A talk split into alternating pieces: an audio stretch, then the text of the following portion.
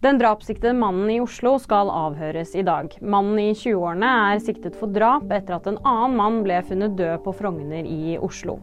Den siktede er sterkt preget av situasjonen han befinner seg i, sier politiinspektør Grete Lien Metli.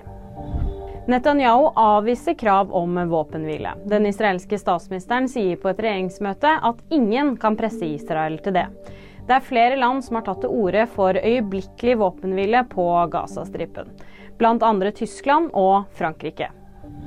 I dag får Narges Mohammadi Nobels fredspris. Hun mottar prisen for sin kamp for menneskerettigheter og mot undertrykkelse av kvinner.